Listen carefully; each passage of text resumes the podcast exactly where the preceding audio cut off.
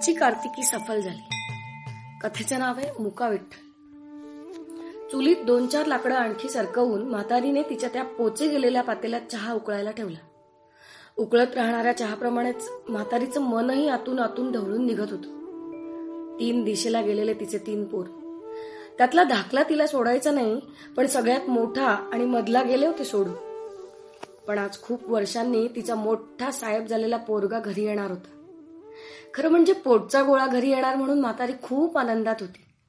पण मनातून धास्तावलेली त्याला कारणही तसंच होतं म्हणा. जमीन जुमला शेतीवाडीचं काय ते निपटून टाकायचं म्हणून हे पोरग वस्तीवर येणार होतं असं तिला धाकला बोलला होता. धाकला बाकी समजूतदार धोरणी निघाला.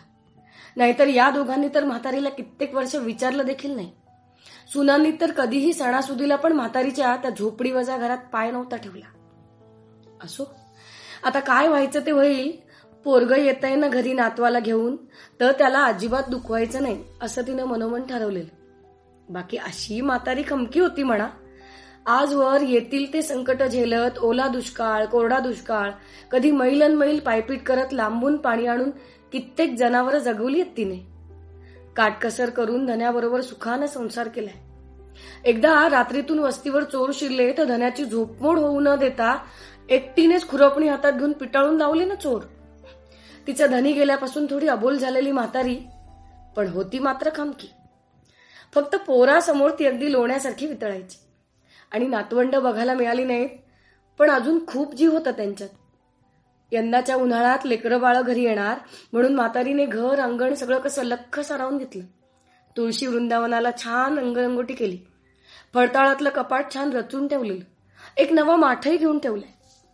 रानातले बोर चिंचा विलायती चिंचा पेरू पपई आणि काय काय आणून छान निवडून ठेवलं म्हातारीने नातवासाठी.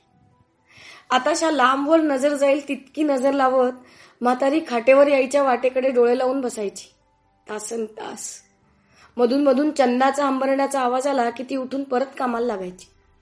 एवढ्या मोठ्या जमीन जुमल्याची मालकीण असलेली ही म्हातारी गावातही दरारा राखून होती.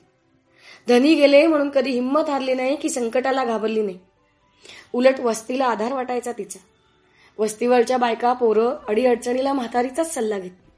खणखणीत आवाजात एकदा का म्हातारीनं हाक मारली की जागच्या जागी माणूस थपकून राहत असे. अंगात निळसर झाक असलेलं मातकट रंगाचं नीट नेटकं स्वच्छ लुगड. दोन्ही हातभर हिरव्या काचेच्या बांगड्या. गळ्यात तुळशीची माळ कानात कुडी आणि बुगडी. हनुवटीवर तिनं तीन ठिपके गोंधवून घेतलेले. आणि नाकात धन्यानं हौसेने घालायला दिलेली नथ. कपाळावर तिच्या आवडत्या विठोबा रायाचा बुक्का. असा पेहराव करून म्हातारीनं पहाटे पहाटे शेतीवरल्या राखणदार महादेवाला अरे महादू चा ठेवलाय तुझा ई लवकर आटपून. अशी आरोळी दिली की म्हातारीनं कामाला सुरुवात केली हे गाव समजून जायचं. पोरं बाळ नसली घरात तरी म्हातारी कधीच रिकामी दिसायची नाही कुणाला. धाकला कामावर डबा घेऊन गेला की दिवसभर तिचं काम सुरूच राहायचं. चंदाला चारा आण मागचं पुढचं अंगण झाड शेंगा वाळवून ठेव कुठे भाज्याच लाव चिंचा फोडून ठेव मिरच्या खोडून ठेव कापूस वेचून आण.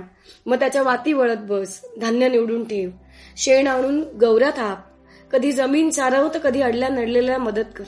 असे कितीतरी कामं म्हातारीने अंगवळणी पाडून घेतले होते. त्यात भर म्हणजे परिपाठाचा नेम कधी मात्र म्हातारीने मोडला नव्हता. तिनेच स्थापना केलेल्या विठ्ठल मंदिरात हा नेम चालायचा.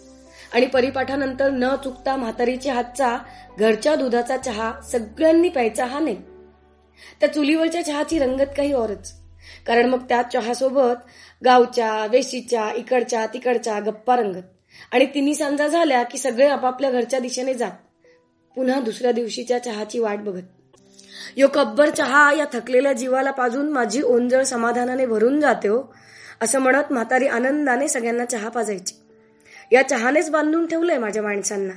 लय काय नाही करत मी. म्हणून ती वेशीवरच्या त्या वासुदेवाला सुद्धा चहा पाजायची. या इतक्या वयातही म्हातारी कशी तुकतुकीत आहे आणि सगळ्यांचं करती. असं काहीतरी कानावर पडलं की समोरच्या मंदिरातल्या विठोबाला तिथूनच नमस्कार करायची आणि म्हणायची माझं काय खरंय बाबा ओ तो युठुराया करून देतो माझ्याकडून. लय जीव आहे त्याचा माझ्यावर. माणसापरीस कधी भक्तासंग बेईमानी नाही की धोका नाही. विठ्ठलाचा म्हातारीवर जीव होता तसा तिचाही विठ्ठलावर भारी जीव. जीव ओतून ती त्या एकसंध काळा पाषाणाला मनापासून पूजायची. सणासुदीला काही गोडधोड केलं की पहिला नैवेद्य तिच्या विठ्ठलाला दिल्याशिवाय ती पाणी देखील प्यायची नाही. थंडी असो वारा असो की ऊन तिच्या विठ्ठलाची ती खूप काळजी घ्यायची. त्याच्यापाशी मन मोकळं करत गप्पा मारायची. काही अडलं नडलं तर विठ्ठलाशी एकरूप होऊन बोलायची. तासन तास. भूपाळीला काकड आरतीला तर लोकांना सांगायची बघा माझा इठुराया कसा बोलतो माझ्याशी. म्हणतो माणसानं माणसाशी माणूस बनून वागावं अडल्या नडलेल्याला मदत करावी आंधळ्याचा डोळा बनावं लंगड्याचा पाय बनावं मदतीला धावून जावं कुणाची तरी काठी होऊन जगावं लोकांनाही मग खरंच वाटायचं म्हातारीचं. ते म्हणायचे लई भाग्यवान बघा म्हातारी इठोबा प्रत्यक्ष बोलतो तिच्याशी. एके दिवशी पावसाळ्यात गावच्या नदीला पूर येतोय हे कळाल्याबरोबर म्हातारी दिवसभर विठुरायाच्या पायाजवळ जाऊन बसली.